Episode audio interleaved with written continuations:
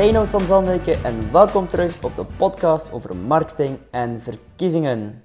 Ik ben er weer helemaal klaar voor om enkele nieuwe afleveringen te lanceren. Maar we gaan het iets anders aanpakken. De Nederlandse verkiezingen zijn ondertussen voorbij. De actualiteit is dat de onderhandelingen bezig zijn. Veel actualiteit valt er niet meer te vertellen op dit moment. Daarom laten we Tim Steen even met rust, maar we willen jullie absoluut nog inspiratie delen.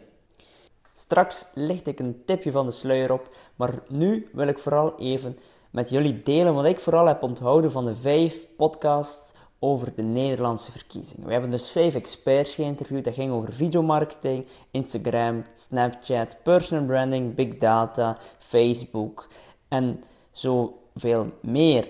En ik wil jullie vijf tips geven. Vijf zaken die ik volgens de podcast, maar ook vanuit mijn andere zaken, heel belangrijk acht voor de volgende verkiezingen. En laten we maar onmiddellijk starten. Tip nummer 1. Vandaag de dag is er enorm veel data beschikbaar. Gebruik die data. Je kan bijvoorbeeld al heel veel doen met de data die beschikbaar is via Facebook. Kan ook andere tools gebruiken, maar pas het gewoon toe. Als ik zie wat onze big data methodiek voor onze klanten oplevert, dat is echt gigantisch en het is een absolute aanrader. De inzichten zijn heel belangrijk. Tip nummer 2: gebruik video. Video werkt supergoed op Facebook. En een foto is op zich niet verkeerd, maar dat is wel het absolute minimum. Dus ga nooit iets online plaatsen zonder foto. Bij voorkeur met video. En als je nog beter wil doen, dan kan je eventueel live video's gebruiken. Dat werkt nog beter. Maar probeer zeker te experimenteren met video. En wat we ook uit de podcast hebben geleerd, ga niet zomaar te werk. Nee, pak dat toch wel strategisch aan. Dat is zeer belangrijk. En dan komen we ook onmiddellijk aan tip nummer 3. Want tip nummer 3 gaat om Facebook adverteren. En dat bedoel ik dan ook opnieuw met strategisch te werk gaan. Als je een video online plaatst, dan kan je daar een Facebook advertentiestrategie aan koppelen. Werkt zeer effectief. Bijvoorbeeld wat je zou kunnen doen is een video online plaatsen en dan daar een advertentie aan koppelen en zeggen van kijk de mensen die 33% van die video hebben bekeken, ga die nu een advertentie sturen met mijn belangrijkste standpunten. Zo weet je eigenlijk dat de mensen die de advertentie te zien krijgen ook interesse hebben in je boodschap. Anders zouden ze niet 33% van de video bekijken. Er is echt enorm veel potentieel met Facebook adverteren. We gaan naar tip nummer 4. Tip nummer 4 heeft te maken met personal branding.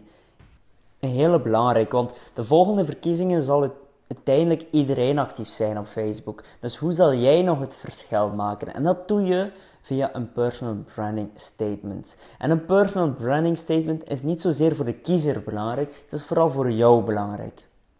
Want met een personal branding statement maak je voor jezelf heel duidelijk wie je bent. En als je alles wilt zijn, ben je uiteindelijk niets. Zeker op Facebook, want ja, er is zoveel concurrentie dat het belangrijk is om te herhalen. En als je een personal branding statement hebt, dan weet je welke punten je moet herhalen. Voor mij, mijn personal branding statement is: ik ben een geëngageerd ondernemer die 95 jobs haalt met een passie voor communicatie, politiek en de combinatie. En niets, niets verschijnt er op mijn Facebook pagina of Facebook profiel die niet te maken heeft met mijn personal branding statement. Ik ga ook graag gaan fietsen. Ik sport graag, maar dat komt niet op mijn Facebookpagina, want dat heeft niets te maken met mijn statement. Heel belangrijke, want als je alles wilt zijn, ben je uiteindelijk niets. Maak een personal branding statement. Je kan gerust even op mijn website eh, zoeken, want daar vind je heel veel informatie terug over personal branding statements. We gaan er nu even sneller door natuurlijk, want normaal de podcast die duren wel wat langer, die duren ongeveer 30 tot 40 minuten. Nu is het echt een samenvatting, even tussendoor. Als je meer informatie over de podcast wil, je kan ze allemaal herbeluisteren via iTunes natuurlijk, waar je nu mee aan het luisteren bent, via de website. En je vindt op de website ook samenvattingen van de blogberichten terug. Je kan ook een e-book downloaden over de vijf podcastafleveringen. Een samenvatting opnieuw te downloaden via mijn website. We gaan naar tip nummer 5. Tip nummer 5 gaat over een beeld achter het schermen geven. Zeker via Instagram en Snapchat. Want ik krijg regelmatig de vraag van politici, ja, moeten we daarop actief zijn? En het heeft natuurlijk allemaal te maken met welke middelen heb je.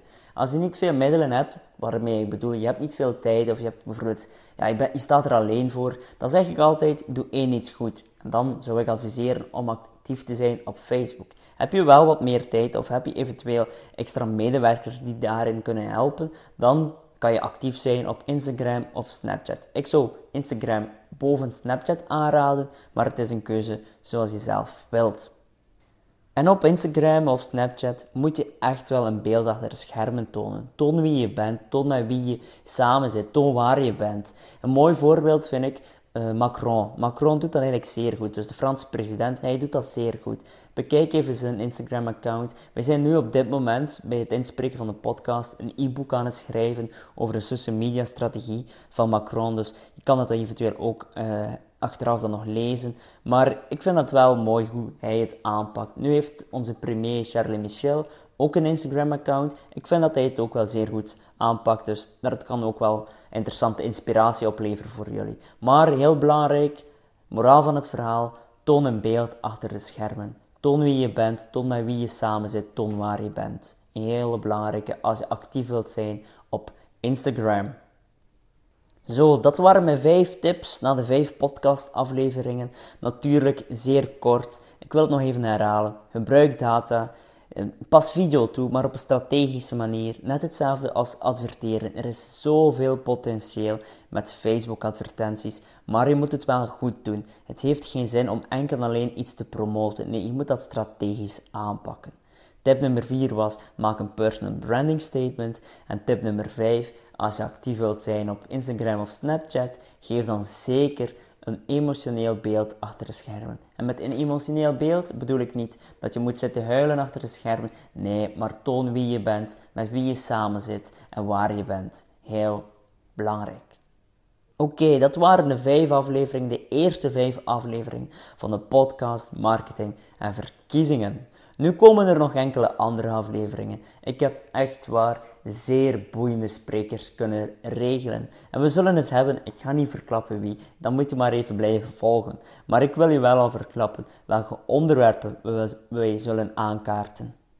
Zo hebben we het onder andere over neuromarketing, hersenonderzoek, opiniepeilingen, mediatraining, leiderschap, een professorleiderschap zelfs, belang van um, interactie en nog zoveel meer. Dus als je wilt leren over welke invloed leiderschap heeft in politieke communicatie, welke neuromarketingtechnieken je kan gebruiken om meer impact te hebben in jouw, in jouw campagne, of je wilt meer leren over mediatraining, bekijk of liever beluister dan zeker de volgende podcastaflevering, want er komen zeer boeiende sprekers aan. Ik heb er alvast zeer veel inspiratie uit gehaald en ik ben er absoluut zeker van dat jullie dit ook zullen doen. Alvast zeer veel inspiratie.